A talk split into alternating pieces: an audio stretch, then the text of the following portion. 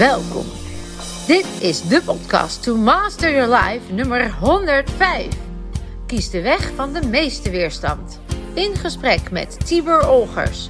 Tips op het gebied van body, mind en food. Mijn naam is Vilna van Betten en ik heb er super veel zin in. Hallo dames en mensen. Vandaag weer een prachtige podcast met weer een heel speciaal persoon. Tibor. Uh, ik heb Tibor ontmoet omdat ik bezig ben met de wereld een beetje mooier maken en een beetje bewuster. En wat blijkt, dat doet Tibor ook. En die doet dat op een hele bijzondere manier. En vandaag wil ik eigenlijk met jullie uh, eens gaan kijken naar wie is Tibor dan. Maar hij heeft ook hele mooie tips om het voor jou makkelijker te maken. Zeker in deze tijd van chaos die we nu met elkaar toch een beetje ervaren. De onzekerheid, de angst die naar boven kan komen drijven. Maar ook ja, gewoon de machteloosheid die je kan voelen. Dus welkom Tibor. Dankjewel. Fijn dat je er bent. Voor de mensen die jou niet kennen, uh, wie ben jij en wat doe je? Um, ik heb uh, ehm, 14 jaar bij de politie uh, gewerkt, waarbij uh, de laatste 10 jaar bij een speciale eenheid. Daarna ben ik een coaching- en adviesbureau begonnen voor ondernemers, voornamelijk gericht op het MKB, maar ook wel ZZP'ers. En daarbij heb ik de principes van die speciale eenheden, die heb ik geïntegreerd in de methodiek waarmee wij ondernemers helpen om niet alleen maar hun bedrijf meer te laten floreren, maar ook een, een beter leven te leven. Dat is zeg maar de zakelijke, de zakelijke pitch. Maar wat ik eigenlijk doe is ik kijk gewoon heel aandachtig naar de wereld, naar mensen. En ik deel wat ik zie. Ik creëer raamwerken en ik uh, creëer structuur.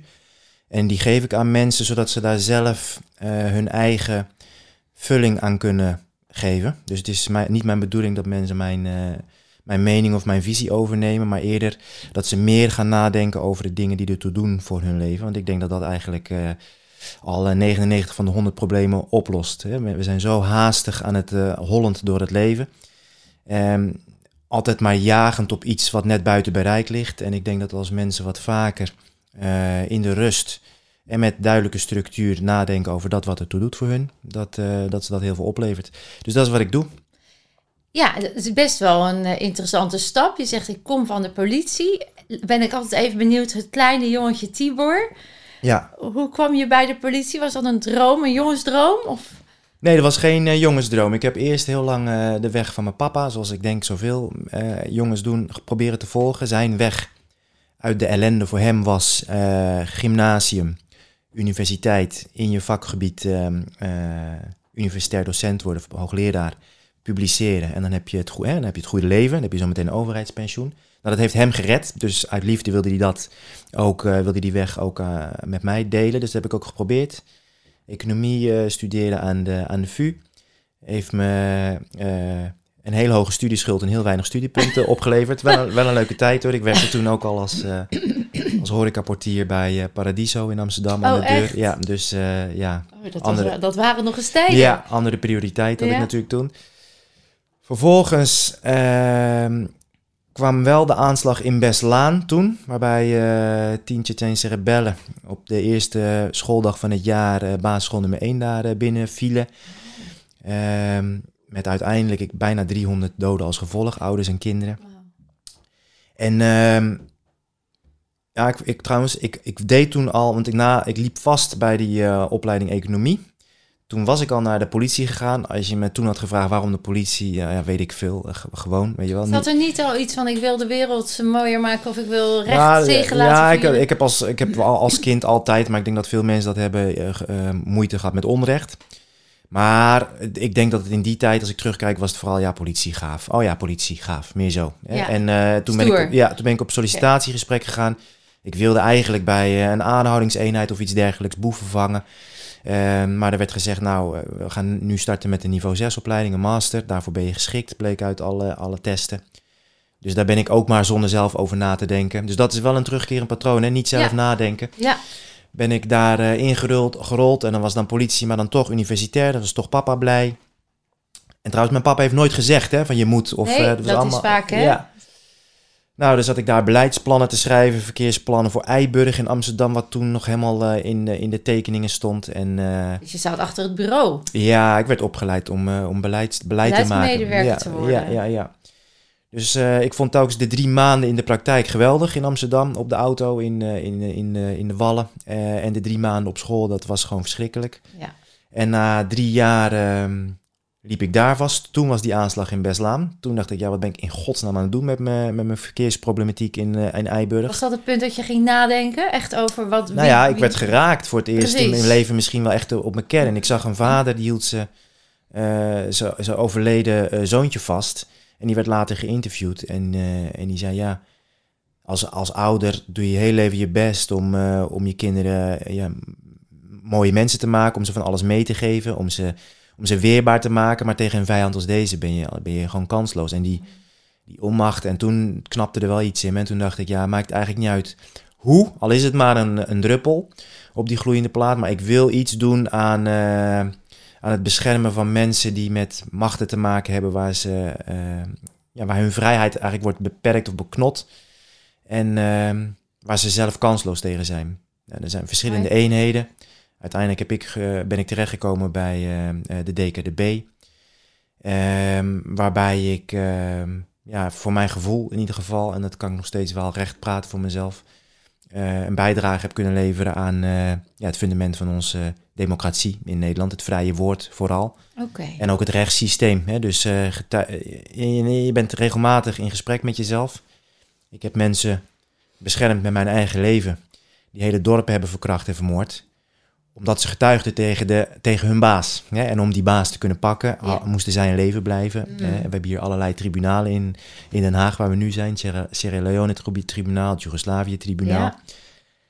En maar ook natuurlijk bepaalde politici die ernstig worden bedreigd door eh, bijvoorbeeld Al-Qaeda. Eh, we kennen allemaal wel de twee. Hè? Een daarvan is naar Amerika geëmigreerd. En de andere die is hier nog steeds aan het werk. Ja. Waarbij ik dan soms de vraag kreeg van eh, vrienden van... ja, maar ben je dan bereid om voor diegene te springen? Nou, dat niet zozeer, maar wel voor, voor het vrije woord. En ehm, dus ik heb dat met heel veel voldoening kunnen doen. En dat was ook wel een, een tijd waarin ik eindelijk nou, mezelf leerde kennen van... hé, hey, wauw, in mijn specifieke geval, ik ben een niveau 5 mens... Dus ik vind het gaaf om na te denken over strategie en over tactiek. Maar vervolgens vind ik het helemaal op die leeftijd. eh, wil ik wel ook mee, voorwaarts en voorop lopen. Zeg je? Ik ben een niveau 5? Ja, om even in hè, niveau 6, universiteit. Ik ben meer een niveau 5 mens. Oh, wel is- nadenken, maar ook wel mm, betrokken zijn bij de operatie, bij de ja, uitvoering. uitvoering. Ja. Ja. en in Ja. het veld staan. Ja, en in het veld staan. in de modder. Ja, En eh, dus toen had je die ervaring. Je voelde heel erg dat je voor het recht op wilde komen en de vrijheid hè, van het woord. Mensen, vrijheid van het woord en ook onze rechtsstaat. Dus ook eh, Sabine Tammes, ik bedoel, dit is allemaal, heeft het allemaal uitgebreid in de krant gestaan. Ja. Maar ook gewoon zorgen dat ehm, ehm, ja, aanklagers gewoon hun werk kunnen blijven doen. Dat rechters hun werk kunnen blijven Ja. doen eh, in Nederland. En niet onder druk van, eh, van criminelen. Dat de rechtspraak dan verloren gaat. En de manier waarop je dat deed, eh, was dus ook wel vanuit een diepere, eh, dieper gevoel van hey, dit klopt niet. En ook wel een soort vecht of een strijdlust, als ik het zo hoor. 100 procent. Dus ik heb, de- ik heb tot mijn veertigste ben ik strijdend door het leven gegaan. Heb ik ook altijd geloofd dat ik een vechter was. Eh, en dat heb ik natuurlijk ook letterlijk, hè, zowel fysiek als, als figuurlijk, heb ik dat veel gedaan. Zo- zowel hobbymatig als, als beroepsmatig. En, eh, en nu, eh, in mijn veertigste levensjaar, ben ik erachter gekomen dat ik eigenlijk, eh, eigenlijk helemaal geen vechter ben.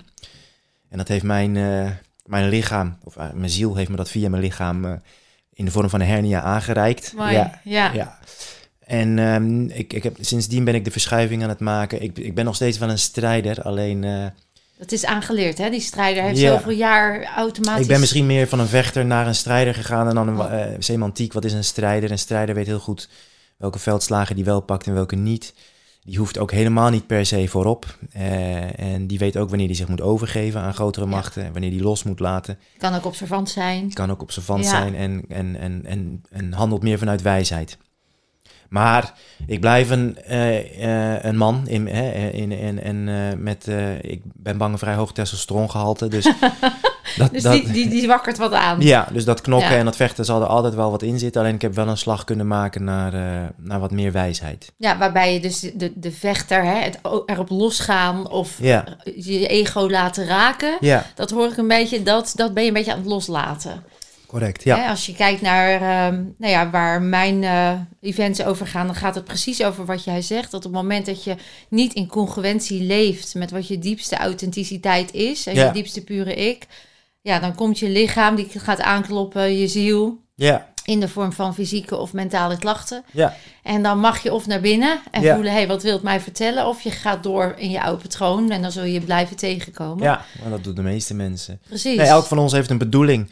En vaak is, dat de bedo- is die bedoeling van, van jou is, eh, is dat waarvan ze op school zeiden, doe maar niet, weet je wel. Dus tegen de, tegen de meer introverte mensen die gewoon alle prikkels door heel veel lagen trekken en daardoor met hele andere eh, reacties kunnen komen. Er werd gezegd, hey joh, eh, spreek eens wat meer uit. Ja, Tegen de hele jezelf. uitgesprokenen werd gezegd, hey joh, doe nou eens even wat rustiger. Mhm. Tegen de danseres werd gezegd, eh, stop eens met zingen, stop eens met, zet je muziek eens uit, nou, enzovoort. Ehm, dus elk van ons heeft een bedoeling. Vaak is dat, dat precies datgene waarvan in je jeugd is gezegd, doe maar wat minder. En wat jij zegt klopt, ja. Als jij niet in lijn leeft met je bedoeling, dan zal je lichaam via eh, je lichaam, sorry, zal je ziel via je lichaam je signaaltjes geven. Eerst Ja. fluisterend. Ja, En als je niet luistert, gaat het schreeuwen. Ja, tussen die nul en die, zeven, die eerste zeven jaar imprint, eh, waar je nog vrij kan stromen, waar je nog helemaal nog, erg, hoe zeg je dat, nieuwsgierig het leven tegemoet wil, Ja, komen natuurlijk de eerste normen en waarden, overtuigingen, komen in je systeem. En dan zit jouw brein nog in dusdanige staat van ontvankelijkheid, ja, dat alles wat je, nou ja, je vader onbedoeld, onbewust, ja, Hè, life is copy-paste. En we willen allemaal erkenning. En we willen erbij horen. We willen vol, voldoen. En met name natuurlijk de eerste zeven jaar aan je ouders die het meest dichtbij staan. Mhm. En dan krijg je natuurlijk dat je al een beetje verwijdert van dat deel van jezelf. Wat de potentie juist het meest in zich heeft. klopt. Ehm, dus het is altijd een beetje een grijs gebied. Hè? De mensen die introvert doen, ik zeg altijd, je doet je gedrag. Het is heel goed om te kijken, is dat aangeleerd? Of is dat je potentie en ben je dus bedoeld om te observeren? Of ben je bedoeld om eh, vanuit de, achter de schermen functioneel te zijn? Of doe je het omdat je niet durft te zijn? En dat is een beetje wat jij ook bedoelt. Van Ja. Kom eens bij je potentie en waar je de weerstand hebt gevoeld, waar de afwijzing is geweest. Was dat echt of was dat eh, juist om je uit te dagen? Hè? Dat, eh, wat een mooi verhaal. En dan nu, eh, nu, want dat is best een stap. Dus had je dus in die Special Forces of in Ja. dat... Ja, ja. Ja, Speciale politie-eenheid, Special Forces is, eh, is weer een is, nog, andere nog- eenheid. ja, is nog weer een stapje hoger bij Defensie. Ja, Oké, hoe Ja. zit jij daarin? Nou, als we kijken naar hiërarchie, dat is namelijk iets waar ik zelf een beetje jeuk van krijg. Want ik voel dat we allemaal gewoon onze bijdrage mogen delen. ja, En dat alles even waardevol is. ja. Hoe zie jij dat? Met een stapje hoger en hiërarchisch? Hiërarchie is een van de mooiste dingen die er bestaat. Zonder, zonder hiërarchie, zonder de structuur van hiërarchie zou de hele wereld in elkaar donderen. Daarom zie je ook hiërarchie in de natuur, zie je ook hiërarchieën in, eh, in de economie en zie je hiërarchieën in, eh, in ons mensen ontstaan. Ja. Een hiërarchie kan 100%, een hiërarchie in de natuur en in de economie is maar op één ding gebaseerd, zou maar op één ding gebaseerd moeten zijn, namelijk competentie. Ja. En je Het ziet ook zelforganiserend vermogen dus eigenlijk. En daarbij de competenties inzettend. Doe je het zo? Weet ik niet of ik het met zelforganiseren bedoel. Ja, het, nou ja, het, de natuur ontstaat. organiseert zichzelf, zo correct. Ja, En, in- daarbinnen weet iedereen zijn eigen rol en taak. Ja, dat zou kunnen. Wat ik in ieder geval weet is dat eh, zonder eh, bijvoorbeeld eh, een gezin is een hiërarchie. Mhm. En eh, dus ik snap, ook, ik snap de jeuk te- tegen hiërarchie, maar dat zijn vaak hiërarchieën op basis van manipulatie, onderdrukking Macht. en beperking. Die bedoel ik ook. Ja, ja. macht vind ik ook een prachtig woord. Ja. Macht, ik, ik bedoel, er, zijn veel mensen tegen macht. Dan, zeg ik, nou, oké, wil je liever machteloos door het leven Ja, dan? hè? precies. Macht is prachtig. macht. Ja. Nou ja, en ook, ik vind ook macht naar buiten toe vind ik eh, prachtig. Als die, ik, heb, ik ben een, een machtig mens, Ja. zo voel ik me in ieder geval. Ik heb veel invloed en eh, die benut ik ten goede. Het is mooi dat je dat zegt. Dus eigenlijk de kracht van taal. Ja, En Dat, macht, dat is net als manipulatie. Ja. Mensen kunnen dat ook heel erg negatieve lading geven. correct. Maar alles is manipulatie. Ja. Gebruik het dan in je voordeel. Macht is mooi als je je machtig voelt. ja. Zo bedoel En als je het inzet voor het goede ook. Precies. En als het gebaseerd is op competentie. Het zou verschrikkelijk zijn als bepaalde mensen, ik zou er wel twee kunnen noemen nu, eh, heel veel macht hebben en, eh, en totaal incompetent zijn in, eh, in eh, dat waar ze macht over uitoefenen. Maar sowieso, kijk, Nederland is in mijn ogen vrij, eh, vrij naar het extreem linkse aan het toebewegen. Mhm. En dan eh, dus anti-macht, anti-hierarchie, maar ook anti-verschillen. dus als je kijkt naar het marxisme, het communisme, eh, dan is het, het ideale wereld voor, voor het totalitaire regime is een, een, een grijze, genderloze, willoze massa. Mhm. En ik ben juist voor eh, verschillen. Ik ben ook voor hiërarchie op basis van competentie. Ik ben Ja, dus ook precies. heilig van overtuigd dat als jij een vrouw bent, lesbisch, met een huidskleurtje... en verzin nog eens drie dingen waardoor je algemeen- biasen tegen je hebt... en je bent fucking competent in wat je doet, maakt niet uit wat je doet... dan kom je gewoon bij de top. Ja. Ehm, dus hiërarchie, zoiets als gezin, God, ehm, geloof in, de, in een bredere zin van het woord... Maar ook hiërarchieën in de economie, eh, ja, eh, ben ik helemaal voor. Het is de structuur die orde in die chaos eh, brengt. Ja. Vervolgens moeten we er keihard voor zorgen dat die hiërarchie echt gebaseerd is op competentie. En in niet plaats op... van op macht en op prestaties. Hè? Dus de jeuk die daar zit, die Ja, komt daardoor. Hè? En dat zien we ook nu gebeuren. Dat is toch wel mooi dat je even dat haakje maakt. Dat on- ondanks dat er een virus is, ja, wat eigenlijk een crisis is. En in crisis komen we altijd bij ons primaire gedrag, komen we in stress, komen we in ons reptielebrein. Hè, zouden we juist nu de competenties moeten inzetten om met elkaar de win-win te behouden. En wat we nu ervaren, althans zoals ik hem ervaar, mhm, is dat we onderdrukt worden in het zelfredzame stuk. mhm, eh, en moeten luisteren naar wat mensen die dan kennelijk macht toebedeeld hebben gekregen, zeggen dat we moeten doen. Dus los van of het goede of slechte maatregelen zouden zijn, is dat natuurlijk eigenlijk al een ziek model. Ja, het model, ja, het model is ziek alleen. Het is, wel, het is niet stuk, het is de bedoeling. Het systeem is niet stuk, het is zo ontworpen. Dus alles wat er nu gebeurt is de bedoeling en het loopt op rolletjes. Volgens. Ja, is dat eens toe? Het, lo- het loopt op rolletjes. Hoe bedoel jij dat? Nou, het, het- er, er heerst een, er raast een virus door het land. En, en dat virus, dat, ehm, nou laat ik, laat ik bij het begin beginnen. Hè. Ja. Je, wij worden verleid eh, voor de weg van de minste weerstand. Met Mhm. comfort, met gemak en met vrijblijvendheid. Die drie, comfort, gemak, hè, vrij zijn van gedoe en vrijblijvendheid. Je nergens aan hoeven toe te wijden, word jij verleid tot de weg van de minste weerstand. Dus heb je, ligt je fietsketting eraf, hoef je geen vieze handen te maken, dan swap je gewoon. Heb je gedoe in je relatie, dan swipe je. Ja? Of je neemt een second love, op zijn minst ernaast. Ja. Ehm, je hoeft je niet vast te leggen aan één sportschool, waarbij je vroeger meehielp in de kantine. Nee, neem eh, een OneFit abonnement en je hoeft niet meer te kiezen. Hè? Vooral dat wordt verkocht op Instagram. Je hoeft niet meer te kiezen, je kunt alles hebben. Terwijl dat is niet waar. Ook als je naar de natuur kijkt, alles kan wel, maar alles heeft ook een prijs. Mhm. En je kunt wel alles krijgen, maar niet tegelijkertijd. Hè? Je, moet, er zit, er zit, je moet kiezen. Mhm. En omdat wij ehm, alleen nog maar kiezen voor gemak, comfort en vrijblijvendheid, zie je dus enerzijds dat wij, hè, we doen geen moeite meer.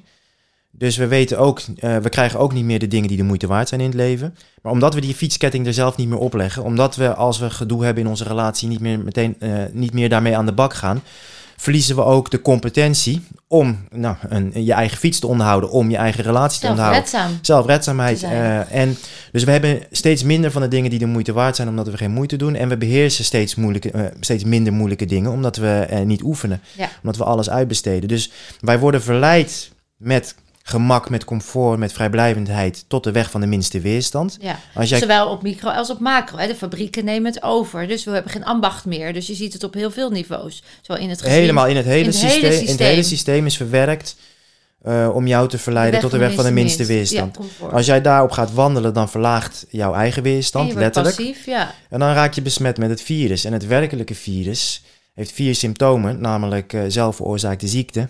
Eh, eh, ook vandaag weer, ik geloof dat er vandaag 130 mensen zijn opgenomen met, eh, met corona. Met corona. En vandaag zijn er net als gisteren en als morgen 700 mensen opgenomen met hart- en vaatziekten. Ja. Al jaar in, jaar uit. En heb ik het niet over longkanker, heb ik het niet over diabetes type 2, enzovoort, enzovoort. Mm. Dus het, het virus, het eerste symptoom van het virus is zelfveroorzaakte ziekte. Het tweede is schuld. Nederland staat op nummer 1 wereldwijd, het land met de grootste vermogensongelijkheid. Derde tentakel is angst voor de wereld en voor anderen. En vierde is eh, onzekerheid over jezelf. En dat is wat we dus keihard terugzien in de statistieken. Ziekte, schuld, angst en onzekerheid. Ja. En ehm, dat is het werkelijke virus. En dat wordt vanzelfsprekend volledig eh, wordt daarvan geprofiteerd door het systeem. Het systeem is ontworpen om die vier symptomen eh, In stand te houden. in stand te houden. Ja. Met uiteindelijk één heel simpel doel. Dat jij stopt met onafhankelijk nadenken. Want als jij ziek bent en je moet elke maand je insulinespuitjes ophalen. Je zit in de schulden. Je hebt wel een mooie koopwoning, want daarom staan we ook op nummer 1. Het is nergens zo comfortabel om eh, ziek en in de schulden te zitten als in Nederland. Want je blijft gewoon leven. Hè? Ja. We worden chronisch ziek op, we worden chronisch ziek op ons 42ste. Dan heb je nog 40 zieke levensjaren waarin je gewoon prima comfortabel Ja. door kunt leven. En je kan gewoon een Tesla voor de deur van je, eh, hè, een leasebak voor de deur van je koopwoning die onder water staat hebben. Met een gevulde koelkast. Terwijl je, terwijl je hartstikke in de min staat. Kan allemaal heel comfortabel. Dus dat systeem dat is zeker weten ontworpen om, eh, om, dat, eh, om die vier tentakels om jou heen te slaan. Met als doel dat je geen tijd meer hebt om onafhankelijk na te denken. Dat je geen tijd hebt om je druk te maken wat er daarboven gebeurt. Maar vooral dat je belasting betaalt. Hè? eh, De grote corporates betalen 0 euro belasting. Ja. Af en toe moeten ze, wij, het MKB, de ZZP'ers en de burgers, die betalen, eh, be- betalen belasting. Je betaalt rente. Eh, over fractioneel lenen, ja, we hoeven niet helemaal diep in dat konijnenhol te duiken. Maar als je een hypotheek afsluit van 100.000 euro, dan schrijft de bank, dan ben jij vanaf dat moment eh, verplicht om 100.000 euro terug te betalen met rente aan de bank. Maar de bank heeft helemaal geen 100.000 euro. Die hoeft daar maar voor 8.000 euro voor in de kluis te hebben, Ja. hebben liggen. Dus er is net 92.000 euro verzonnen. Waar jij eh Geld rente over betaalt. Ja. Ja. en tegelijkertijd als jij heel veel van iets verzint, hè, want hoeveel hypotheken worden er afgesloten? Wat gebeurt er dan met de waarde Nu van meer iets? dan ooit, hè? Ja. Nu meer Dus de ooit. inflatie, dat wat wij Ja. allemaal hebben geaccepteerd. Ja, geld wordt nou eenmaal minder waard. Nee, geld wordt niet eenmaal minder waard. Er wordt als een malle, wordt er daar bovenin in het systeem, wordt er geld bij verzonnen. Waardoor Precies. jij moet belasting betalen, jij moet rente betalen. En je betaalt ook inflatie. Want dat betekent gewoon dat diezelfde 2000 euro die je in loondienst verdient, eh, die is dit jaar een stuk minder waard dan, eh, dan vorig jaar. Ja, en dus worden we steeds afhankelijker, steeds, Steeds- minder... steeds eh, afhankelijker. Steeds passiever, steeds of reactiever, Ja, steeds minder macht. ja. En dan, want jij zegt het systeem loopt op rolletjes, omdat het de Nou, bedoeling het, is. het werkt. We zijn zieker, we zijn zieker dan ooit. We staan op nummer 1 van de grootste vermogensongelijkheid. We zitten langer te scrollen dan ooit op Ja. zoek op onze tijdlijn naar zelfvertrouwen. Ja, dus even voor de nuance, je zegt niet het systeem is goed, maar je zegt het systeem loopt zoals het dus Bedoel- ontworpen Het is ziek en het is eh, de bedoeling. eh, en die ziekte, dat is de bedoeling. Zo En- is het ontworpen. Ja, ja. En wat zou daar dan de achterliggende gedachte van zijn? Er zijn natuurlijk mensen nu kijken en luisteren zeggen... de bedoeling, de bedoeling. Ze willen toch niet dat mensen ziek worden? Ja, nou, nou, dat is wel de bedoeling. En eh, tenminste, dat is het middel. eh, hè, dus dat je, dat je ziek bent, dat je schuld hebt, dat je bang bent voor de wereld, voor andere overtuigingen, voor andere geloven. Dat je bang bent voor andere mensen. En dat je onzeker bent over jezelf. Dat is het middel met als uiteindelijke doel rente, belasting en inflatie. Dus, ja, dus geld en macht. geld en macht in de Oh. negatieve zin van het woord. Ja. Ja, ja. Ja. En eh, alle mensen deugen. Nee, dat is gelul. Oh, Ja, is geen, geen goed boek. Ja, ik bedoel, het, is- het, het voelt goed, weet je wel, maar nee. we willen het graag dat Ja. het zo is. Ja, Jij zegt het is gelul? ja 100 procent. Kijk om je heen, alsjeblieft. Ja. Ja. Dus ik ben voor liefde, ik ben Geloof voor jij, verbinding. kijk, een van de basisovertuigingen die ik heb, eh, Tibor, is dat al het gedrag heeft een positieve intentie. Zelfs de vader die zijn kinderen voor de trein gooit, Ja, is bedoeld vanuit de gedachte, vanuit zijn freeze, vanuit zijn hopeloosheid, vanuit zijn radeloosheid, dat hij niet meer kan geven aan de kinderen wat hij wilde geven. Dus ik praat het niet goed, mhm. maar ik zeg dat zijn intentie positief is. Zit daar dan wel voor jou een haakje naar dat het gedrag wat we doen, in ieder geval vanuit de fuik waarin we leven, vanuit de werkelijkheid die is ons aangeleerd, vanuit de angst of de onzekerheid die we ervaren, de werkelijkheid die je dus denkt waar te hebben, dat dat dan ook de oorzakelijke reden is dat je je zo gedraagt. dat zou in heel veel gevallen het geval kunnen zijn. En- dus dan nogmaals, dan wil ik niet zeggen dat het gedrag het meest oplevert, want die vraag vergeten we vaak te stellen. Wat levert mijn gedrag me op en waar leidt het op de lange termijn toe? Die zelfreflectie, hè, dat zelfreflecterende vermogen, dat zien we niet. Ook niet in de systemen, dat zien we nu in de overheid. Het correctiemodel zie ik nergens. Maar dat wil, ja, toch even hoor, eh, dat, dat het, los van het, want deugen is een oordeel, maar de intentie is Nee, sommige mensen, hebben waarheid- sommige mensen hebben slechte intenties. Sommige mensen zijn ziek in hun kop. Ja, oké. en maar sommige is- mensen zijn ja. gewoon in en in slecht. En dan kun Ja. je, als dat dorp wordt verkracht en vermoord, zeggen dat hij daar goede bedoelingen voor, eh, voor had. En dan kan je vast, kan je dat met een mooi verhaal eh rechtbreien. Mhm. Ik vind dat niet interessant. Nee, ik bedoel, ik begrijp wat je zegt. Dus je zegt, hè, het gedrag is onacceptabel. Het gedrag Ik is... zeg dat sommige mensen slecht zijn. Ja, Punt. en Ja. dat, dat is... En dat is een hele lelijke, pijnlijke waarheid die niet past in het verhaal van eh, nou, alle mensen deugen en alles Mhm. is liefde en alles is een positieve intentie. Nee, ik geloof niet dat iedereen een positieve intentie heeft. En ik denk Jij dat... dat- vindt ook dat er mensen zijn die zo zwaar beschadigd zijn... of ziek zijn in hun hoofd... ja, Hè, en dat kan ook weer een reden hebben gehad. Kan. Wel, maar dat dat en wel... soms, soms is er geen reden. Dat is ook ja, gewoon... dat eh, ze gewoon zo geboren zijn. ja, soms is er gewoon met een zwarte reden. ziel. Ja, Ja. ja. En ehm, hoe, oké, maar goed, dan hebben we licht en donker, we hebben yin en yang, we Ja. hebben, we hebben eh, goed en niet goed, dan komen de oordelen. ja. Ik denk dat dat ook wel beperkend is, hè, als we onszelf in de oordelen vastzetten, want dan is iets waar of niet waar, terwijl er altijd ruimte is voor een uitweg. Mhm. Ehm, stel, als we meegaan met de waarheid die jij eh, dan voelt, van nou, niet alle mensen deugen. ja.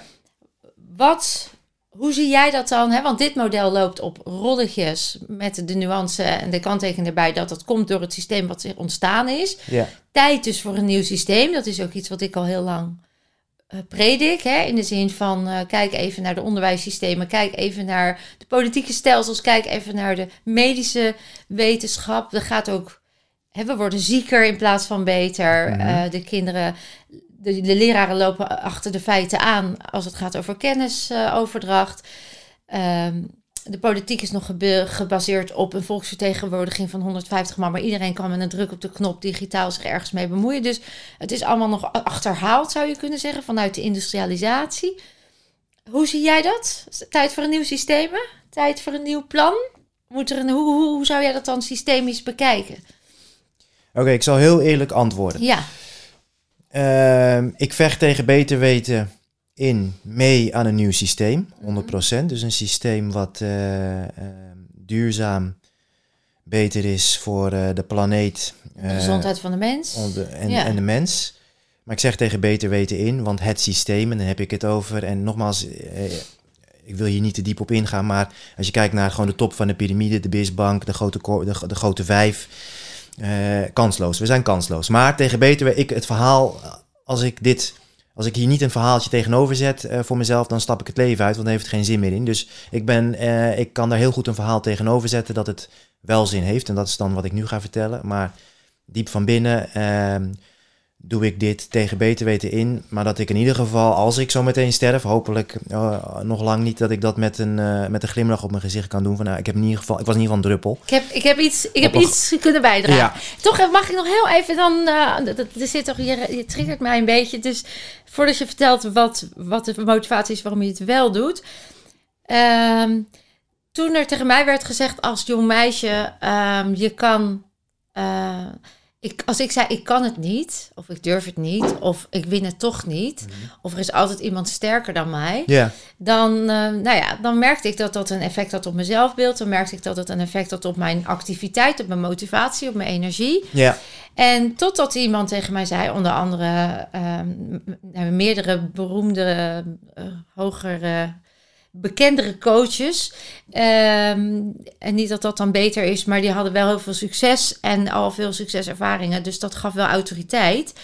Ehm, zeiden van ja, maar als hij of zij het kan, wat houd je tegen om, het ook, om dan ook daar op die positie te staan? hm, En los van of ik ooit op die positie zou staan, is die mindset en die beweging die het in mij losmaakt al heel waardevol.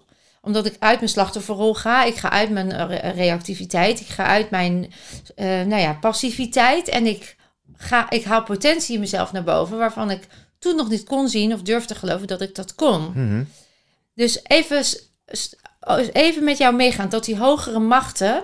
Wat maakt dat jij nog niet die hogere macht bent? Wat zegt dat dan over jou? Wat zegt dat over mij? Wat zegt dat over de mens? Wij zouden ook die hogere macht kunnen zijn die wel goed voor de planeet zouden zorgen. Waar zit bij jou daar de rem? Waar zit, wat zegt dat over jou dan? Wat dat over mij zegt is dat ik eh, meer van het eh, realisme ben dan van eh, of negatief of positief zijn. Dus de To- Tony Robbins stroming, ik vind het allemaal fantastisch. Ik heb hem zelf ook meerdere keren opgezocht. En ehm, Maar daar zit ook een, een behoorlijk vergif in, in, eh, in de valse positiviteit. Als, eh, Jij noemt het valse positiviteit? nou, daar, kan het, daar kan het in doorslaan. Ja. Dus mindset is heel erg belangrijk. Maar als jij, eh, net als dat heel veel mensen, ik zit in het ondernemerswereldje. eh, ehm, wat ik vooral zie bij startende vrouwenondernemers en de begeleiding die daaromheen zit, is dat die geloven dat je met de juiste mindset een succesvol bedrijf kunt bouwen. Nee, dat is, is ook gelul, weet je wel. Met een negatieve mindset gaat het je zo. Mindset, mindset is in wat mij betreft een handrem die er wel of niet op zit. Dus met een negatieve mindset eh, heb je de handrem erop. En, eh, en met de juiste mindset is de handrem eraf. Maar je moet nog steeds eh, een, een route hebben. Je moet nog steeds een stuur hebben. Je moet nog steeds brandstof in de tank hebben. Je moet nog steeds gas geven. En als er een eh, obstakel voor je, als er een roodblok staat, dan kan je wel met mindset helemaal positief. Nee, het is er niet en ik kan er doorheen. Nou, soms, eh, soms, soms kan je er omheen. Soms moet je een hele andere route nemen. En soms sta je gewoon vast, weet je wel. En, eh, en dat realisme is wel iets wat ik wil toevoegen aan het wereldje van... alles is energie, alles is liefde, alles is verbinding. Ehm, kijk, mij gaat het uiteindelijk om, om eh, de feminine energie. Daar zou het iedereen om moeten gaan. Om creatie. Het is moeder natuur. Om creatie, om kunst, om verbinding, om flow. Daar gaat het om. Mhm. Dus zie je een veld voor je waarin dat plaatsvindt. Hè? De, die creatie, die verbinding, die flow. eh, prachtig. Alleen, dat kan alleen maar bestaan als eh, dat veld kaders heeft. Als daar, als daar randen zijn. En als er ook randen zijn die beschermd worden. Mhm. En da- daarvoor is realisme nodig. En daarvoor zijn andere krachten nodig dan verbinding, overgave, liefde. Daar is eh, agressie voor nodig. Daar is realisme voor nodig. Daar is hardheid voor nodig. En, ju- en dat is yin-yang. Dat is de, de natuur. En het geldt dus als we doorslaan in de agressie, dat leidt tot problemen. Als we doorslaan in de hiërarchie, dat leidt tot problemen. Als we doorslaan in alles is liefde en knuffelen en vision boards en manifesteren, dat leidt tot gigantisch veel, eh, veel problemen. Dus En, en, en stel, hè, want eh, realisme. Er zijn heel veel mensen die zeggen tegen mij: Ik ben nou eenmaal zo. Dat is de- hun realiteit. Dus realisme is maar net wat jouw werkelijkheid is, die je, hebt, die je creëert vanuit alle kaders die Nee. je. Dat is een fixed mindset. Wat, wat, wat die, die mensen. Realisme is eh, als je van, een, eh, van de tiende verdieping naar beneden springt, dan ga je gewoon dood. Dus dat is niet, dat is niet, eh, dat kan je niet opvangen. Of als je water naar 100 graden Ja, dus brengt. dat is. Want, Gewoon want, de feiten. Ja, want het is wel leuk dat de woorden soms een andere lading hebben dan Ja. dat ze me misschien bedoelt. Dus Ja. daarom check, daarom check ik hem even. Want als mensen tegen mij zeggen van nou, jij kan dat niet, dan zeg ik dat is jouw realiteit. Ik hou liever mijn realistische kijk op mijn wereld. Want dat brengt mij nog iets, het levert mij iets op. Dus ik stel altijd de vraag, en die geef ik ook altijd mee. Wat levert jouw gedrag je op? Is datgene wat je nu denkt, voelt, ervaart, nog datgene waar je straks hè, wil zijn? Dat is dan de kracht van de manifestatie, de kracht van de energie, de kracht van de liefde, de kracht van het positief denken enzovoort. super belangrijk. Je ziel bevrijden, hè? Dat, Maar daarnaast moet. En jij zegt maar, je moet nog wel ook een soort realiteitszin hebben. Dat als je op een ravijn staat en je springt naar beneden zonder parachute... Dat je wel degelijk, de kans heel groot is dat je doodgaat. ja, En dood is dan ook weer... Ja, god, zo kunnen we heel diep gaan wij hoor, maar het is wel leuk. ja. Dood is natuurlijk ook weer relatief. Want ja, als je energie bent, eh, ga je misschien niet in deze fysieke vorm verder. En Misschien niet. eh, nee, ja, ja. Hè, Ja. nou ja, goed. Daar zijn dus ook weer interessant. Nee, Hè, alles is energie. Dat is natuurlijk wel waar. ja. Ehm, ik had gisteren een metafoor dat... eh, stel dat jij in een donkere kamer staat, Tibor. Ja, En ehm, daar zie je dan niks. Hè? Je ogen wennen op een gegeven moment wel een beetje aan donker. Maar het is pik, pikken, pikken donker. Ik heb wel eens begrepen, als je in de woestijn bent s'nachts... Dan, dan is het zo pikken, pikken, pikken donker. Dan kan je echt ook niets, niets meer zien. oké. En eh er komt een ster of een lichtpuntje door de, de gleuf van de, van de kamer. Hè? Wat doet dat licht dan in die kamer? Enig idee wat er dan gebeurt? Die verlicht. Ik Die- weet- ik weet niet wat je ja, die bedoelt. verlicht. Ja? En eh, dan zie je, dan, dan vind ik dat een mooie metafoor. Dan zou je kunnen zeggen, licht wint dan van het donker. Want Mhm. het dringt door. Mhm.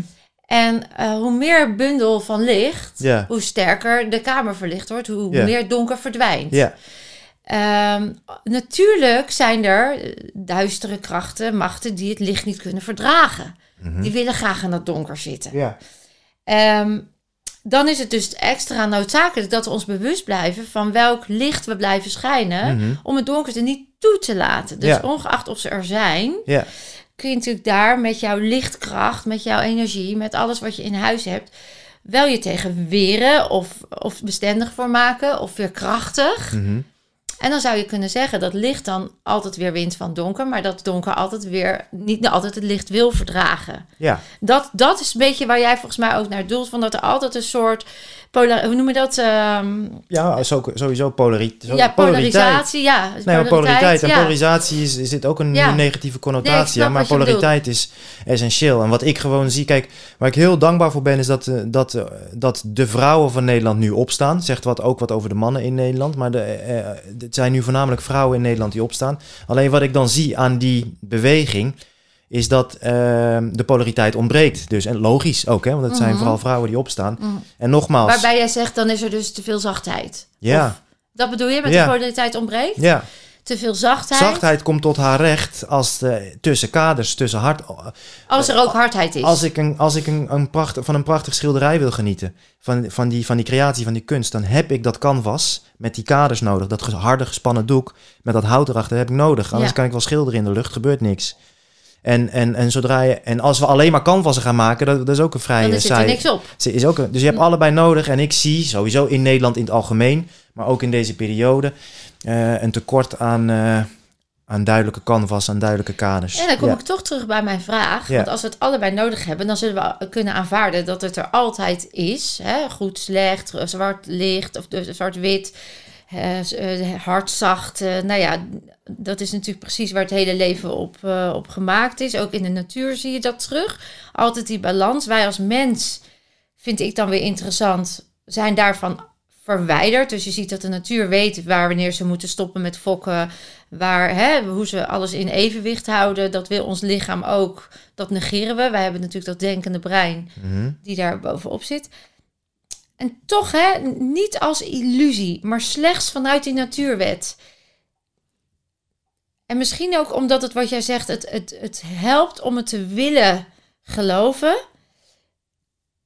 Zou het kunnen dat er een wereld ontstaat die wel oprecht, ook met duistere machten, maar waar de balans hersteld wordt, laten we het dan zo zeggen. Want nu lijkt de balans dus overgeheld te zijn naar dat er krachten en machten zijn waar een systeem door is ontstaan wat eh, ten koste gaat. Hè? Dus je zou kunnen zeggen dat de mensheid daarin destructief is geweest. In de evolutie zijn we ook niet zo ontzettend ontwikkeld en weinig feed forward, noem ik het altijd. Anders hadden we het wel anders gedaan. Dat is ook een soort conditionering die we elke cultuur of elke generatie weer doorvoeren. We nemen over wat de vorige generatie had gedaan. Toch heb ik het gevoel dat juist wat nu allemaal gebeurt, en dat zie je in de geschiedenis ook terug in alle tijdperken waar een nieuw systeem ontstond, dat mensen dan bewuster worden, in een hogere frequentie stappen, in een bekwamer, een bekwaamheid, competenties ontwikkelen. Ik zie dat nu wel gebeuren, dat er nu een soort tegenbeweging is. Ja, ik vind, dat heel, ik vind dat heel lief en ik ben heel dankbaar voor mensen zoals jij. En gelukkig zijn jullie ook met velen. Maar als we naar de wereldgeschiedenis kijken, dat klopt wat je zegt, maar dat is altijd aan de onderkant geweest. Die bovenkant van de piramide Die heeft Is al- altijd zijn macht gehouden, zou je zeggen. al, is al sinds de mensheid bestaat, is die hetzelfde. Maar nogmaals, eh, kunnen we, moeten we dan eh, met onze armpjes in de lucht huilend achterover gaan zitten? Nee, absoluut niet. Nee, dus dan is het ook lekker Dit is te- mijn waarheid. Hè? Ja. Dus die bovenkant van de piramide Ja. gaat niet veranderen. Iedereen is nu hartstikke blij met crypto. Ja, zodra dat volume in crypto groot genoeg wordt, gaat de Gaat BIS, in, zelf. gaat de BIS ingrijpen. Ja. 100 procent. Weet je wel? Mm. Dus, en dat geldt voor alles wat nu, eh, wat nu speelt. Zolang, zolang wij belasting, inflatie en rente blijven betalen, mogen wij heus wel een nieuw systeempje verzinnen. En ik denk dat 10% van 10, 20% van de mensen die kan echt in ieder geval nu voor ik weet niet hoe lang nog, maar nu de komende decennia een beter leven creëren. En in ieder geval een bijdrage leveren in plaats van meewerken aan de afbraak. Nou, en ben dat ik hoor je eigenlijk zeggen van, dus ongeacht of het nou eh, v- vies, ziek, eh, zwart, gallig en noem het maar eens. Eh, er is altijd een keuze om te zien hoe je nog enige invloed kan hebben. 100%. Los van of jij gelooft of dat Wel, ook ergens toe 100%. gaat leiden. Ja, het moet, het moet zin hebben voor jezelf. Eh, mijn- Ja, mijn- dus en dan als- houden we het op microniveau. Ja, Oké. Ja. En dat zeg je, want dat was de andere kant. De enerzijds zei je, ik voel ook wel dat het soms zinloos lijkt. Maar dat geef ik geen aandacht. Want dan zou ik misschien ook wel van die flat afspringen. ja. Dat, he, dat, hel- dat werkt niet voor mij. Dat, Nee. wer- dat helpt mij niet. Dus wat doe jij? Hè? Want daar komt toch ook weer die intrinsieke drive in jou naar boven. Waar je dan toch misschien wel intuïtief aanvoelt dat het misschien toch wel zou kunnen werken. Ik kan in ieder geval zeggen, ik heb het geprobeerd. Nou ja, of ik heb alles aan gedaan. Misschien is er iets groter dan jijzelf, Tibor. Maar die hou ik even als spiegel tegen je. Dan mag je mee doen wat je wil. Dat je toch misschien ergens wel gelooft dat het zou kunnen. Want je maakt je er wel hard voor.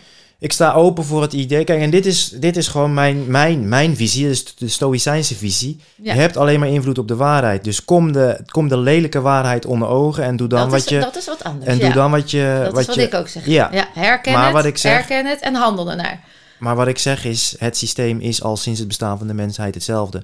Dus ik vind het heel lief dat nu heel veel mensen denken, ja, maar nu, nu gaan we het echt veranderen. Hmm. En het systeem denkt, kijk, wij denken in mensenlevens. Wat kan ik doen tijdens mijn mensenleven? En dan afhankelijk van je leeftijd neem je bepaalde keuzes. We Over, honderden jaren verder over, denken. overheden Ja. en het systeem die denken in, in, in eeuwen, Mhm, weet je wel. En op die manier zijn ze aan het plannen. De Chinezen doen dat ook. Maar, ja. maar nogmaals, ehm, je kan, hè, het leven heeft per definitie geen zin. Daarom bestaat het woord zingeving. Je moet zelf eh, de, de lastige keuzes de, maken. zin, de zin eraan geven. Ja, die, die je leven en je zin geven. Nou, wat denk ik dat we kan doen? Dus het werkelijke virus doet niks anders dan profiteren van onze eigen hebzucht, veelvraat en ontrouw.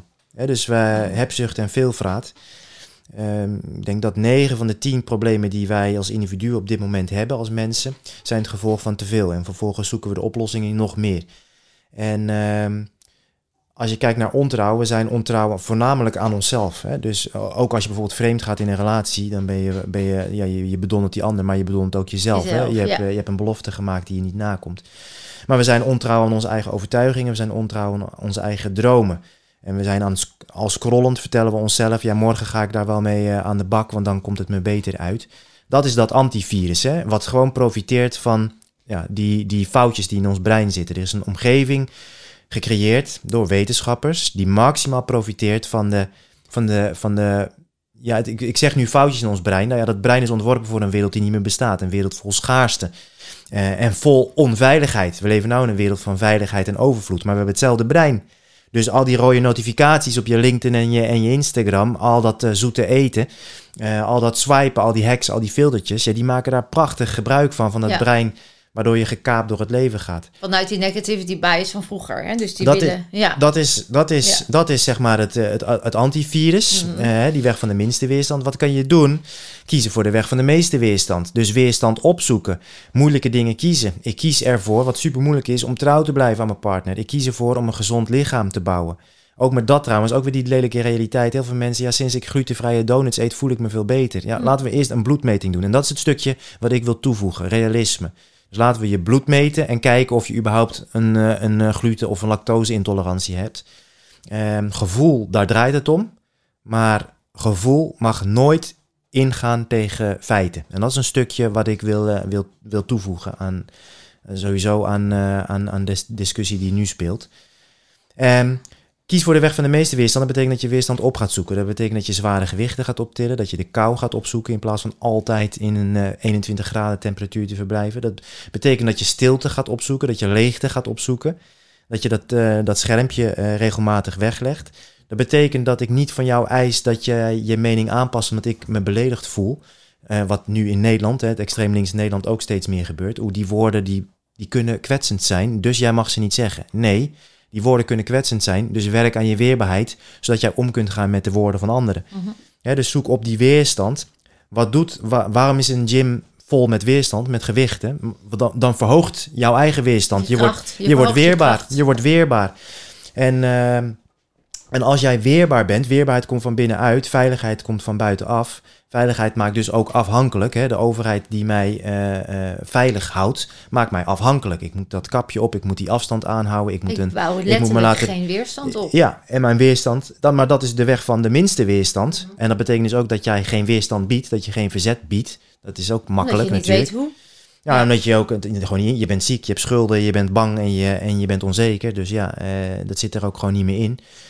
Eh, testosteron bij de Nederlandse man is de afgelopen 30 jaar met 30% eh, gedaald. Dus dat is ook weer een feit, een, re- een realisme wat je, wat je mee moet nemen. Ehm, maar als jij kiest voor die hoogste eh, weg van de meeste weerstand, dan, dan, dan zoek je weerstand op. Daarmee verhoog je je eigen weerstand. Daardoor word je weerbaar. Kun je deelnemen aan, aan het leven in plaats van dat je het moet vermijden. kan ik met jou in gesprek gaan, ook al zijn we het over bepaalde dingen niet eens. Zonder dat, terwijl ik me, en ik voel me alleen maar fijn bij dat gesprek. Want juist de verschillen tussen man-vrouw, de verschillen tussen verschillende overtuigingen, die maken het ons compleet. Precies. En die weg van de meeste weerstand, die brengt vier essentiële vitamines. Hè, dus ten, te- tegenover die, die ziekte, die schuld, eh, die angst en die onzekerheid, brengt het vitaliteit, hè, eigen vitaliteit. Het brengt vermogen. Dus of je nou ondernemer bent of, of in loondienst zit. Als jij vermogen hebt, en dat betekent niet dat je een miljoen hebt, maar dat betekent dat je elke maand minder uitgeeft dan dat er binnenkomt. Dan Ja. bouw je vermogen op Ja. dan word je niet afhankelijk van het financiële systeem. Als je vitaal bent, dan word je niet afhankelijk van de farmaceutische industrie. Hè? En degene die jou ziek heeft gemaakt, is natuurlijk de graanindustrie. Je hoeft niet te zeggen de voedingsindustrie, want Nee. 80 tot 90 procent van de Nederlandse supermarkt bestaat feitelijk gezien uit soja, mais of tarwe, uit graan. Ehm, als jij eh, die weerstand op gaat zoeken, dus je gaat andere meningen opzoeken, je koopt een Koran, je koopt een Bijbel, je verdiept je erin, eh, je gaat, dan krijg je eh, de essentiële vitamine verbinding. In plaats van angst voor de wereld en andere overtuigingen, kun je jezelf verbinden.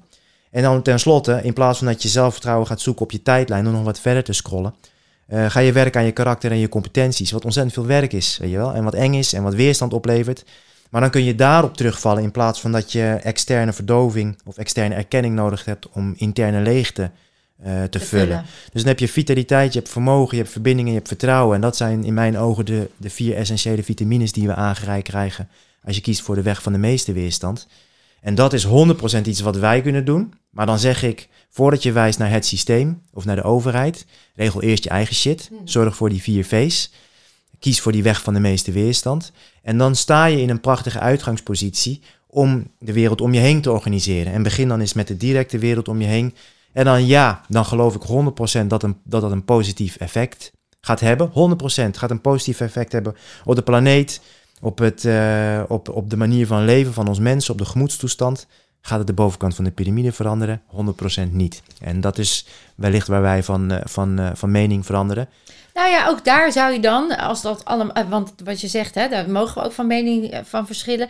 Maar ook dat zou vanuit aanvaarding eh, in ieder geval levenskwaliteit kunnen verhogen. Precies. Hè, dus dat ja, is even. helemaal mee eens. Ja. En dat is waar je dan toch voor wil gaan. Eh, de vijfde V, Ja. eh, dan zit op mijn terrein, voelen. ja. Hoe zit je daarin dan?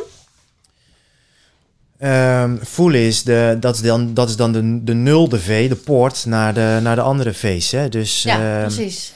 als je er maar genoeg ratio ook naast zet. Maar ehm, voelen is, eh, is de basis van, eh, van alles. Van het Voelen, bewustzijn. Ja. Van wat er echt nodig is. ja, ja, Dus voelen is de voorwaarde ja. eigenlijk. Voelen is de voorwaarde, ja, klopt. mooie. Ja.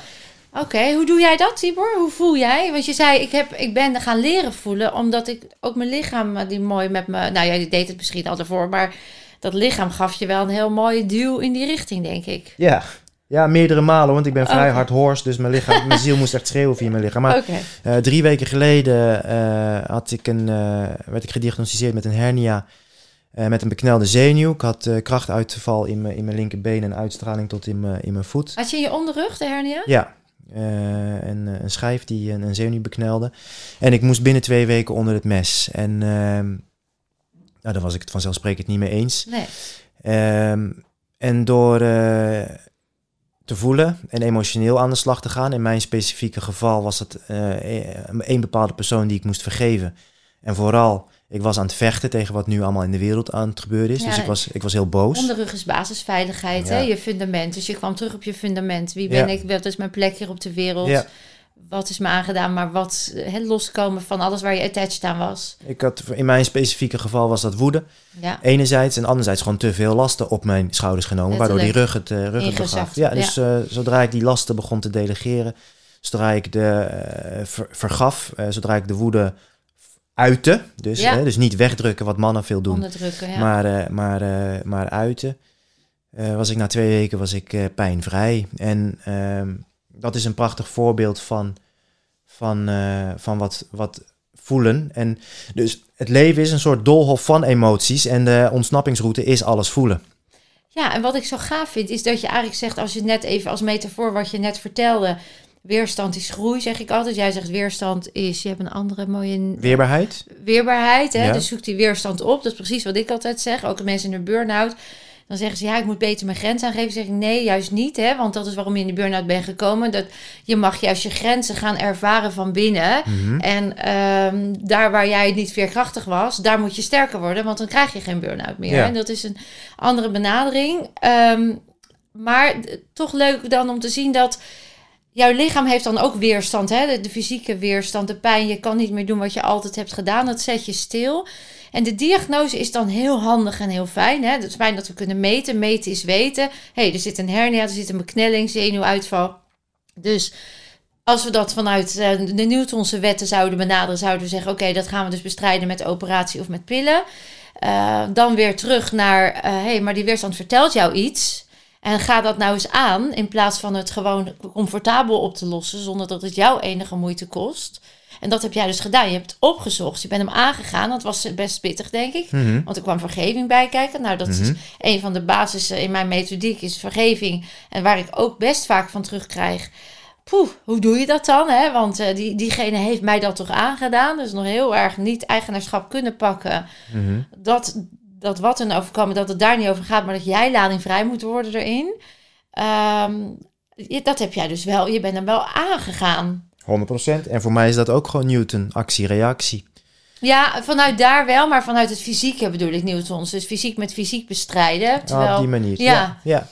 Ja, nee, eh, ehm, ik ben, ik ben gaan, gaan, op zoek gegaan naar de oorzaak van de oorzaak. En, Ja. eh, en die zat in dit specifieke geval eh, niet fysiek. En bij eh, 80% van de hernia's zit die niet fysiek. is, nou ja. Maar, maar Ja. daar blijf ik dus ook weer bij. Bij 20% wel, weet je wel. En dan kan je, wel. En dan kan een je, krijgt. en dan kan je gaan voelen en dan kan je manifesteren Mm. en dan kan je in verbinding gaan, maar dan moet je gewoon geopereerd worden. En Oké, nou daar, daar Ja. kunnen we ook nog samen een heel gesprek over Ja. voeren. Want ook daar heb je met de kracht van de visualisatie... draagt het bij, 100%. 100%. Hè, de- de- maar eh, als je wordt verkracht, als je een halsslagadelijke bloeding hebt, als er een vuurwapen tegen je hoofd wordt gezet, als je eh, cashflow eh, opdroogt, dan moet je meer doen dan alleen maar positieve energie in de wereld instralen. Nou, maar dat is wat anders. Dat, dat zeg je wel essentieel. Als je dat meemaakt, dan moet je... En daarom zeg ik ook moeten, want ik ben helemaal niet van het moeten. Maar in dit geval zeg ik wel. Sommige dingen moeten namelijk wel. Dan ben je jezelf verplicht om datgene wat de ervaring met je heeft gedaan... eerst te verwerken voordat je om je heen gaat slaan of schreeuwen of in een slachtofferrol duikt. Want het is de ervaring die in je celgeheugen nu is gemanifesteerd. En op het moment dat je daar naartoe durft, dus die confrontatie durft aan te gaan en daarin rust kan vinden en ladingvrij kan zijn, dan is datgene wat er buiten gebeurt nog steeds heftig en intens. Alleen jij kunt vrij blijven. Begrijp je wat ik bedoel te Ja. zeggen? Dus daar zit wel de slag te slaan. Hè? En dan eh, is er soms eh, gewoon ook een operatie nodig. Absoluut.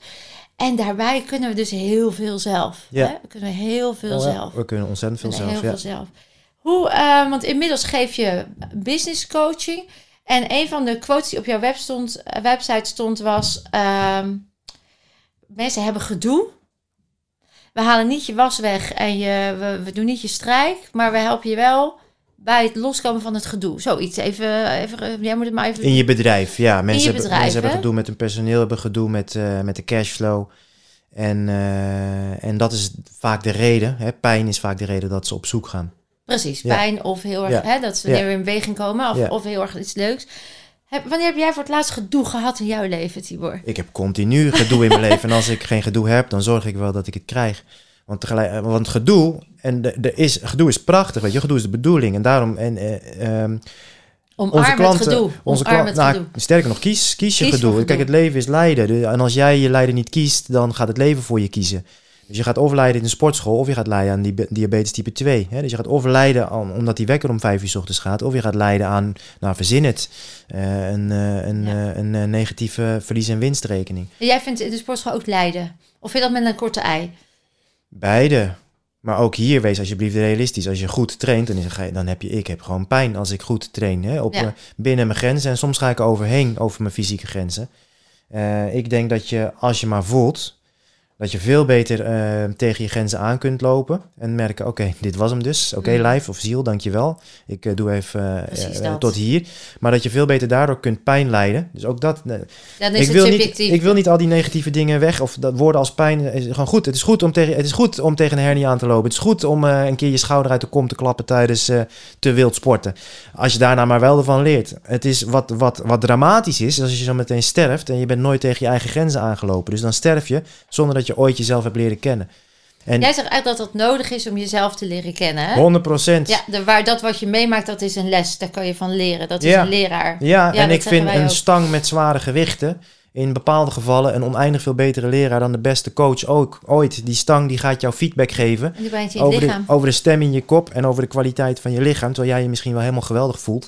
Ik heb genoeg mensen gehad, zowel man als vrouw. Ja, ik voel me sterk, ik voel me goed. Nou, er ligt er een stang met, met, met 40 kilo en eh, dat hele lichaam dat, dat begint aan alle kanten te kraken. Ja. Ehm, dus ehm, ja, jij zegt eigenlijk zoek die confrontatie met jezelf maar op. continu. En dat, dat is altijd op de grens waar Op jij een- denkt dat op je een, niet meer kan. op een intelligente manier, met goede Ja, begeleiding. met Dus ga niet nu allemaal zelf een stang van 100 kilo volladen en, en, en, boven je hoofd proberen te trekken. ja, ermee, ja. ja. Ja. Nee, maar dus ook dat vind ik. Hè. Dus naast, ik blijf dat herhalen. Kijk, en, en ik vind het wel mooi hoor, onze polariteit ook. ja. Eh, ik blijf herhalen, het gaat mij om de creatie. Het gaat mij om de feminine energie. En dit is super seksistisch wat ik zeg. En ik eh, sta er volledig achter. Eh, de feminine energie. Een vrouw kan zich volledig overgeven aan haar energie. Als ze zeker weet dat er een betrouwbare kracht achter staat. Al- zij kan prachtig schilderen als er een goed canvas eh, is. Mhm. En dat is ook mijn, eh, mijn, eh, ja, mijn zorg met betrekking tot eh, de masculiniteit in Nederland. En ook daar, dat is geen gevoel, we kunnen dat meten. Dus ze meten al jarenlang de handdruk. Die is van de vrouw de afgelopen 40 jaar extreem vers- versterkt. 70, ja. Van, de vrouw, van de man extreem verslapt. Ja. Testosteron, impotentie. Het is allemaal, het gaat gewoon Het is aan de orde van de dag. 80% van de ADD-medicatie gaat in mannen, Ja. in, jongen, in jongens. Eh, Ja. 66% van de schooluitval zijn jongens. Nog maar 40% van de WO-studenten is jongen en dat is een neergaande trend. Meer dan 80% van de zelfmoorden zijn, eh, zijn mannen. Dus het gaat niet. eh, het gaat sowieso slechter met de mannen ten opzichte van de vrouwen. Maar het gaat ook steeds slechter met, eh, met, de mannen. Met de balans. En dan krijg je weer dat yin-yang teken. Mhm. Ehm, als er een tekort is aan kracht, richting, vastberadenheid en vechtbereidheid in het masculine, dan moet de vrouw die taak wel overnemen. En dan wordt dus die eh, witte stip in haar, in haar, in, eh, in het zwarte van de vrouw, die, die, moet wel groter worden, omdat, die, omdat het wit in de man eh, een beetje grijs aan het worden is. Dus een vrouw moet wel. Dus wat zie je? Allemaal powervrouwen, bosladies, eh, die, en ik chargeer nu expres eventjes, die hun haar eh, kort knippen en, eh, en al vechtend en strijdend naar de top gaan. Die hun haar kort knippen, dat is ook... Ja. Ja, super, super. eh, Yes. chargeer, ik chargeer hem eventjes even door. Expres. En dat vind ik niet erg. Maar, maar wat zie je daardoor? Eh, ja, ongelukkige mannen, ongelukkige vrouwen die ongelukkige relaties hebben. Ook Omdat het uit balans is. omdat het volledig uit balans is. En in mijn ogen ligt de bal bij de man. En, eh, en waar ik dus voor wil waken, is dat we dus nog meer doorschieten in alles moet lief, zacht, aardig en knuffelend zijn. Dat is niet zo. Ja. Een vrouw, eh, vraag het een vrouw. gewoon een, vrouw- harde vuist op tafel. Nou, onder andere. Maar Ja. een vrouw wil ook in haar relatie genomen worden. Hè? Mhm. Dus eh, ze wil niet alleen maar lief, teder, al- altijd. Ik bedoel, eh, ook hier kan je weer Chargeren. eh, chargeren. Maar vraag het een vrouw en die wil geen eh, lieve, zachte, tedere man die elke dag aan haar vraagt: wat, wat, wat wil jij, schatje? Nou, dan gaan we dat toch doen. Die wil ook, die wil het allebei. Hè? Een vrouw wil het allebei. Een vrouw wil het allebei. Even als en vrouw zijnde ja, willen we het allebei. Ik weet niet of ik voor alle vrouwen sta, maar ik weet wel uitzonderingen dat ik het, dat ik bevestigen het- de regel. Zo is het. En ik vind het heel fijn als mijn man vraagt hoe is het met je. Maar ik vind het ook fijn als we gaan nu dit doen. Hè? Dus dat een beetje, eh, dat is wat jij bedoelt ook. Dat Ja. je af en toe ook de leiding pakt en eh, mij daarin weer even Ja. leidt. En feminine Ja. energie is wijs genoeg om een man de leiding te laten pakken. En dat er ondertussen gebeurt wat zij wil. Ja, Snap goed je? hè? Ja, dat kunnen is toch, dat is toch prachtig? Ja, toch even leuk nog. Nou, we kunnen volgens mij nog uren praten, maar eh, nog even over dat feminine ehm, en over die balans. Ehm, ik, ik, werd, ik zat te denken. Wat ik, als ik kijk naar energetisch, hè, als wij even vanuit gaan dat in onze kleinste deeltjes eh, energie zit, wat, we, wat een vibratie heeft en een frequentie. En je, je trilt dus een frequentie en elke gedachte, elke emotie, alles wat je zegt, alles wat je doet, heeft een effect. En wat ik altijd aantoon in mijn events is dat dan zet ik twee mensen op het podium. En één zit in een lage energie en één in een hoge. Dat kun je aan iemand zien, dat kun je iemand voelen. Dat kan jij ook, dat doe je ook. Als je ergens een ruimte binnenkomt, dan weet jij, oeh, nou ik ga even deze ruimte verlaten, want lage energie, het kost mij energie. Of hè, we praten ook zo. Of je zegt, nou, ik ga blijven hier wel even, want ik laat op. Hè? Dat, zijn, dat doen we al automatisch. Mhm. En uh, dus als we dan even teruggaan naar jouw verhaal, dan zeg ik: Oké, we hebben dus door wat we meemaken, door hoe we ons ontwikkelen, door alles wat in ons celgeheugen zich manifesteert, als aan trauma of als aan gewoontes of aan conditionering, dat heeft een vibratie. Gemiddeld moeten we 500 en erboven zitten. Dan zitten we een dusdanige frequentie dat we heel veel kunnen beïnvloeden op een positieve manier. Alles onder de 500 is een wat lagere frequentie. Gemiddeld zit de mens op 200. Dat is best laag. Uh, wat dus ook die passiviteit enzovoort allemaal met zich meebrengt. we zijn onszelf verloren.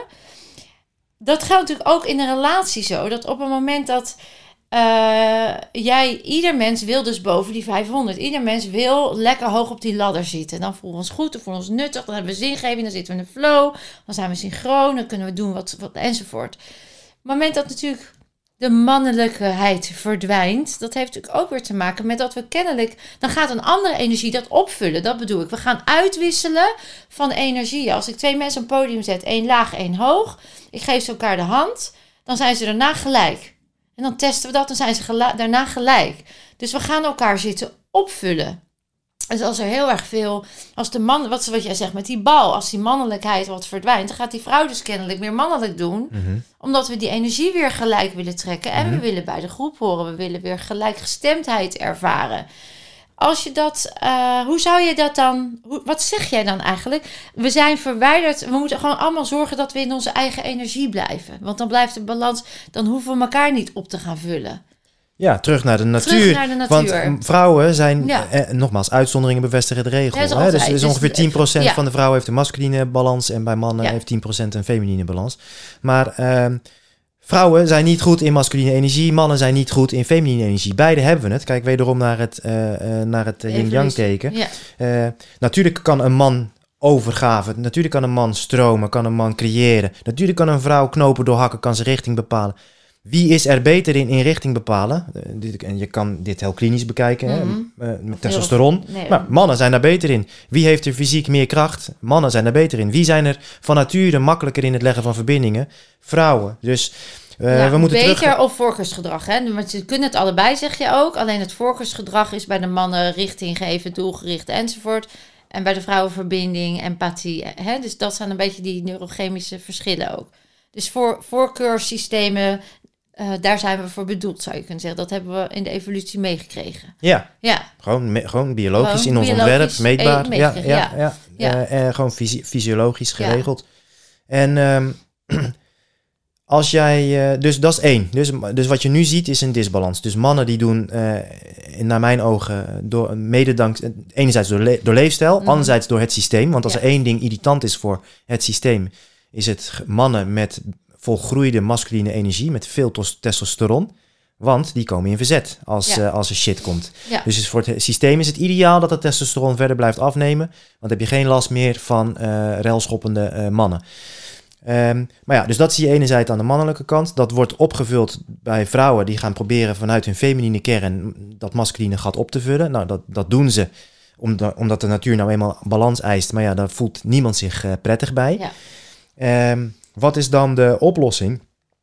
In mijn ogen ligt nogmaals ligt de bal bij de man. Ga je fucking shit regelen. Hè? Dus zorg voor een goede, krachtige missie. Die bijdraagt aan iets groters dan dat jij zelf is. je ego. Dan je, dan je ego. Veel groter dan, eh, dan je ego. En je ego kan er ook heerlijk op meeliften. Er is niks mis met een ego.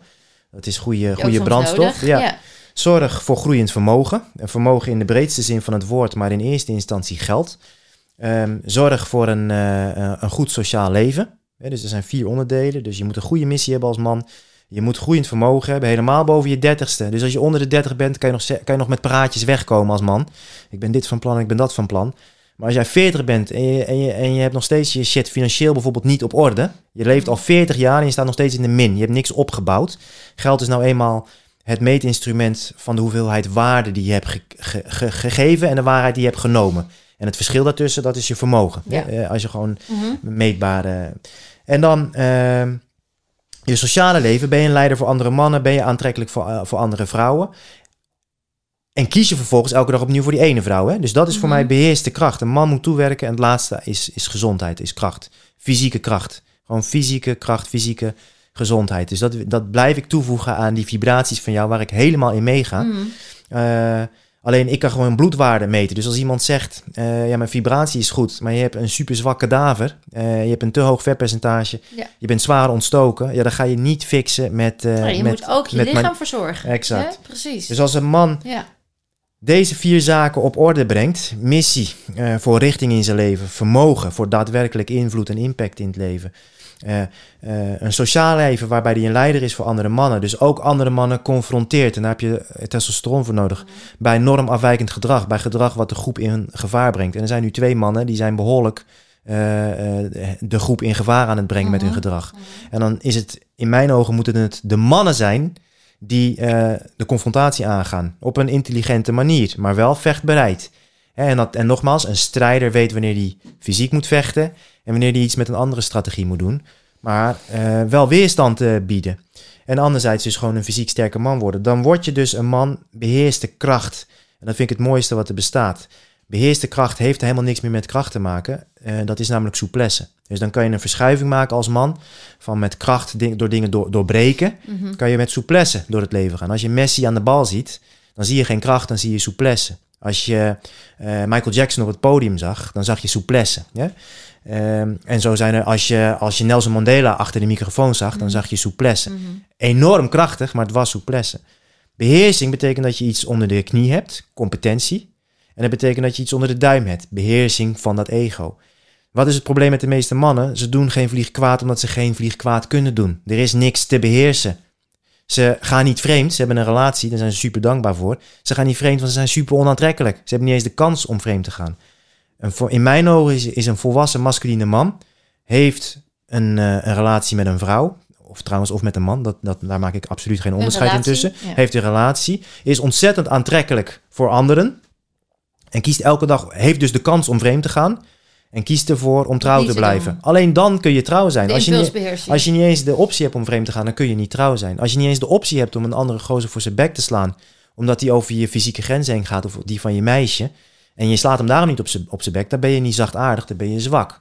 Eh, Als jij de optie hebt om hem op zijn bek te slaan en je weet, ik kan dit, weet maar je wel, maar ik doe het niet, dan ben je, dan Dan, ben je dan ben je een Dus krachtige dat man. is het keyword voor jou, hè? En als die andere man dan doorgaat, dan pak je hem.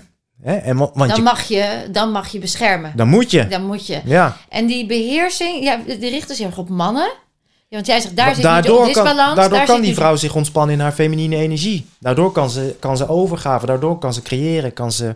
En jij hebt het gevoel dat dat, dat dat, want los van of vrouwen dat willen, want er zit natuurlijk ook een, een strijdlust in vrouwen die zeggen van ja, maar dat is precies waarom wij heel lang onderdrukt zijn, of waardoor wij tegen het glazen plafond aanlopen, of waardoor wij niet de kansen krijgen die die mannen hebben. Ja, verschrikkelijk slachtoffergedrag. Helemaal nu in deze wereld. Ja, maar goed, even, dus, maar die vinden die, of slachtoffer, maar die gaan dus wel vanuit dat slachtoffergedrag strijden, of die gaan vanuit dat gevoel in ieder geval, vinden ze dat het onrecht is.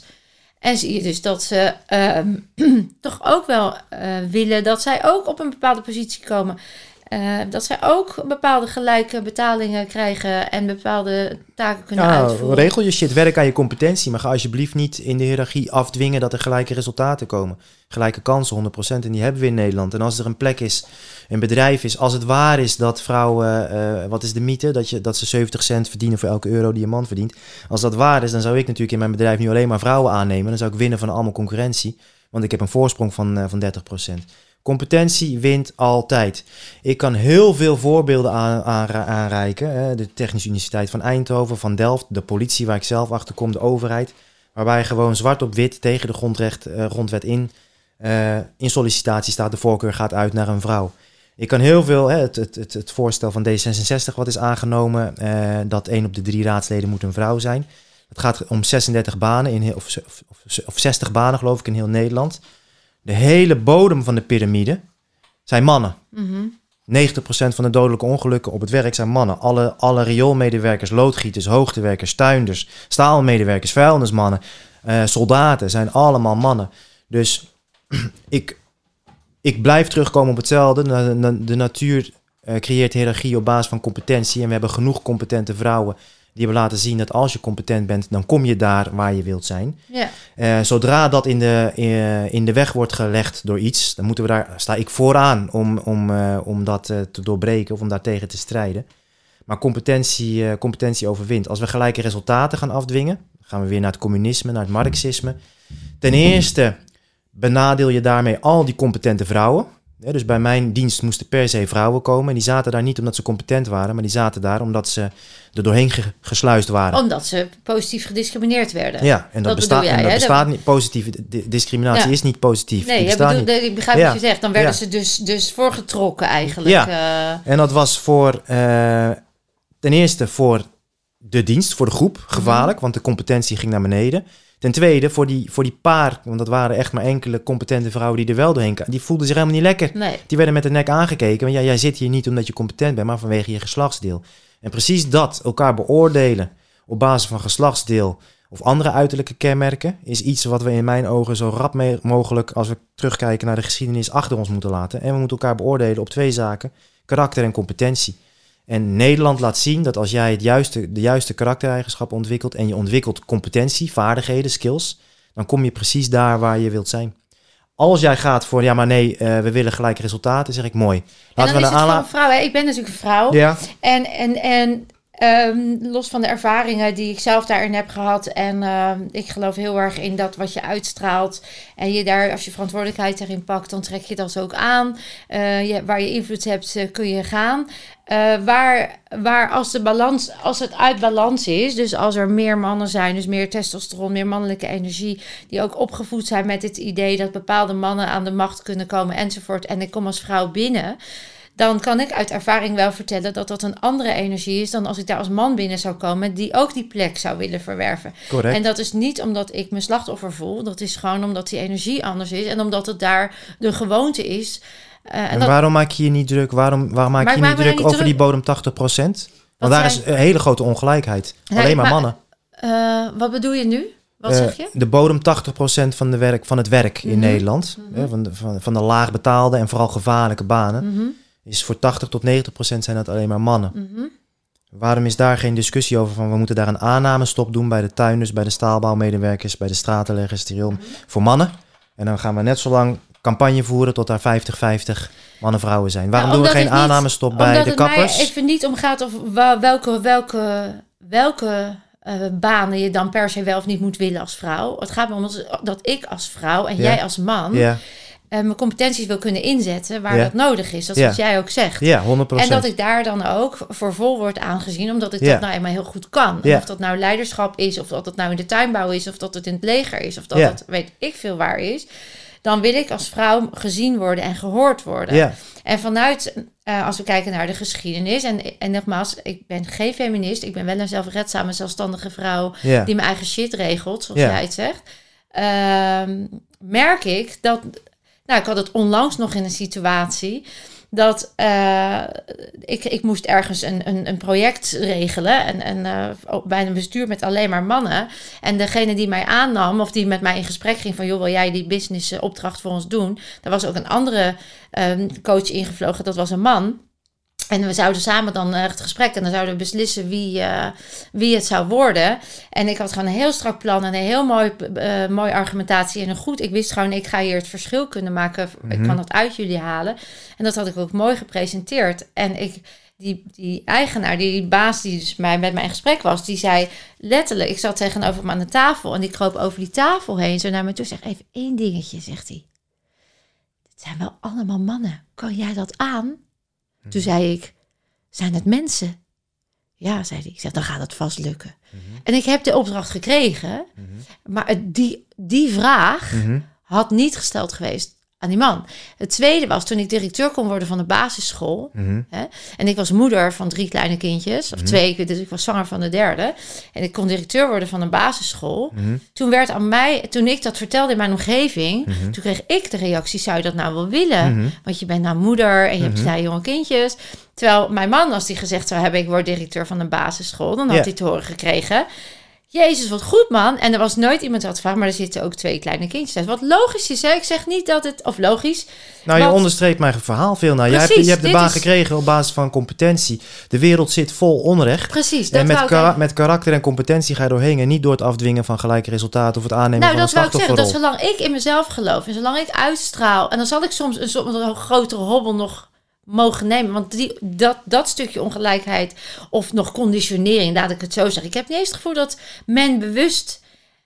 Misschien was het wel zelf bescherm, beschermend bedoeld. Hè? Mhm, Liefdevol kunnen, bedoeld ook nog. Niet eens naar mij toe negatief. Maar meer van, joh, het zijn allemaal mannen. Hoe? Alsof ik dan die mannen niet aan zou kunnen. Terwijl ik niet zo naar mannen kijk. Maar vanuit zijn referentie, vanuit zijn gewoonte, vanuit zijn eh, geschiedenis. Hè?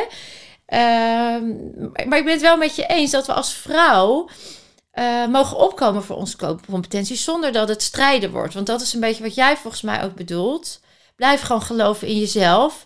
Eh, ik hoef niet per se op een mannelijke baan. Ik wil vooral doen waar ik goed in ben. Ja. Nou dus, dus jij bent meer van het geloven. Geloof in jezelf. En dat, Ja, en dat vind, ik, vind energie ik prima, maar dat is niet wat ik zeg. En de Wat- competenties, natuurlijk. Ik, ga- Ja. ik ga niet mezelf zeggen, ik kan het. En Maar dat is dus niet wat ik zeg. Wat, Wat ik zeg, jij dan? Nou, werk aan je fucking competenties. Studeer hard, werk, ja, eh, ha- verzamel vijf, vijf. Ja, oké, maar dat is het verschil. Dus ik, ik zeg niet, geloof in jezelf. Dat moet je zeker weten doen. dat is sowieso Eh, basis, maar, maar je wordt aangenomen. Degene met de beste competentie wordt aangenomen. En als we dan kijken, en jij vertelt een anekdote. En, Mhm. en ik kan ook heel veel anekdotes vertellen. Mm. Van precies het omgekeerde. Ja. Dat er werd gezegd, ja, je bent eigenlijk jou hebben, maar een, vrouw, een vrouwenquota moeten we halen. Dus het wordt toch die mevrouw. Ja, nee, dat, dat hoor Hè? ik ook. Dat weet ik, dat dat ook gebeurt. Daar ben ik, ik, ben, ik ben helemaal in lijn met jou dat ik vind dat we als mens gewoon naar mensen moeten kijken. Eh, exact, kappen met Ja, het, met- het geslachtsdeel is gewoon niet Ja. interessant. Ja, Het, tenminste, niet als het gaat om... en het eh, is denk ik de mix. De competentie zorgt dat je inderdaad regelt dat je het kan. Want anders hoef je zelf ook niet daar te gaan zitten verkopen. ja, Eh, en zorg ook dat je daarin uitstraalt dat je het kan. Want dat is dat geloof in jezelf. Ja, Ja. mooi. ja. Goh, wat een interessant gesprek. Waar ik, we gaan het afronden, Tibor. Oké. Eh, wat- is er nog iets wat jij de, de luisteraars en de kijkers en of de kijkers mee zou willen geven? Zeker in deze tijd waarin mensen dus nu thuis zitten. Je hebt al heel veel moois gezegd van eh, zorg dat je die weerstand opzoekt. Ga de kou in. Doe alles wat je normaal niet zou doen. Ga eens experimenteren daarmee om te ervaren wat het met je doet. Je kan altijd terug, hè, maar kies even die weg. We dagen ze ook uit. Jij doet ook, eh, ik ga zelf eh, elke week eh, de zee in. met, ook nu met twee graden. Hè, en, en allemaal dat soort dingen. Gewoon gaan waar je voelt dat het oeh, soms on, awkward of onaangenaam is. Mhm. Heb je nog meer waarvan je nu zegt... nou jongens, we zitten nu in een, in een bijzondere tijd. Je kan vinden wat je ervan vindt... maar je hebt één verantwoordelijkheid is... en dat is zorg dat je zelf je shit together hebt. Dat is eigenlijk sowieso de boodschap. Hè? Ja, correct. Dus ehm, kies voor die weg van de meeste weerstand. Begin met het eh, in kaart brengen van de eh, vaak pijnlijke of lelijke realiteit. Dus doe één keer per jaar een, eh, een bloedtest. Als je ook een Ziggo-abonnementje hebt lopen, dan moet dat een, kleine investering zijn. Dus voel niet of, je, of, of sinds je lactose of glutenvrij eet, of je je beter voelt. Hè. Dus Doen, maar zet daar die realiteit achter. Je kan wel eh, heel veel eh, een goed gevoel hebben over je onderneming, maar wat mag ik je balans alsjeblieft Even zien? dus dus wat, wat is het vermogen dat je tot nu toe, hoe lang besta je al, hoeveel vermogen heb je opgebouwd? Eh, hoe vaak roep je, ja, maar daar begrijp je toch niks van, van die ander. Nou, hoe vaker je dat roept, dat jij die ander niet begrijpt, des te meer je dus nog te begrijpen hebt. Hè, dus wat, wat- welke slag heb je daar te maken? En hoeveel, als je gewoon heel eerlijk de balans opmaakt, hoeveel ben jij aan het verdoven, op wat voor manier dan ook met externe factoren. Hè? Dus de interne leegte die je voelt, of de onzekerheid die je over jezelf voelt, die we allemaal hebben. Hoeveel tijd per dag ben je bezig met het ontwikkelen van je karakter en je competenties? En hoeveel tijd van je dag ben je bezig met het wegwerken van notificaties en scrollen? Het vermijden Eh, van. het eh, het eh, naar binnen drukken van suiker of alcohol of andere verdovingen. Ehm, dus dat is één. Breng de realiteit in, in, In kaart. kaart. Vervolgens, eh, als je dus kijkt, hè, die ziekte, die schuld, eh, die angst en die onzekerheid, als je dat in kaart hebt gebracht, ga daarmee aan werken. Dus Mhm. re- regel je shit. Zorg voor vitaliteit, voor vermogen, eh, voor verbindingen en voor vertrouwen. Ehm, En dan wil ik wel echt meegeven, daarmee ontplucht jij van het systeem, daarmee verzwak je het systeem. Dus je kan nu al, door dat te doen, verzwak je het systeem en draag je al bij. En verhoog je, je eigen immuniteit, je eigen weerstand. Als je dan vervolgens, als je dan vervolgens zorgt, of in loondienst of met je eigen bedrijf, dat jij andere mensen die al op zoek zijn, dus je gaat niet andere mensen overtuigen, dat is kansloos, maar andere mensen die op zoek zijn, en jij draagt op wat voor manier dan ook bij aan meer fertiliteit, aan meer vermogen bij anderen, bij, aan meer verbinding of aan meer vertrouwen, ja, dan, dan doe je gewoon fantastisch werk. En dan kun je, eh, kun je zo meteen sterven met een glimlach op je gezicht, omdat je weet, ik heb alles gegeven, ik heb, ik heb bijgedragen. Dus je kunt ontzettend veel doen. Eh, maar begin alsjeblieft bij jezelf. Eh, jij bent verantwoordelijk voor die vier V's, niemand anders. Al helemaal niet eh, de overheid. Dus handjes niet in de lucht staan wapperen, maar handjes uit de mouwen en, en aan de bak. En dan beloof ik je, dat wordt ontzettend lastig, die weerstand. Het wordt ook zwaar. Je gaat, ook, je gaat tegen ja. je fysieke grenzen ga je, ga je aanlopen en dan moet je luisteren. Eh, en dan moet je voelen en dan moet je bijsturen. Maar blijf ze opzoeken, die grenzen. Want daar, bij die grenzen, daar ga je de vrijheid vinden eh, waar je naar verlangt. Grens is groei. Zonder wrijving geen glans. Het zijn klassiekers, maar ze zijn het. En toch, tot slot, hij, komt, hij valt weer helemaal samen.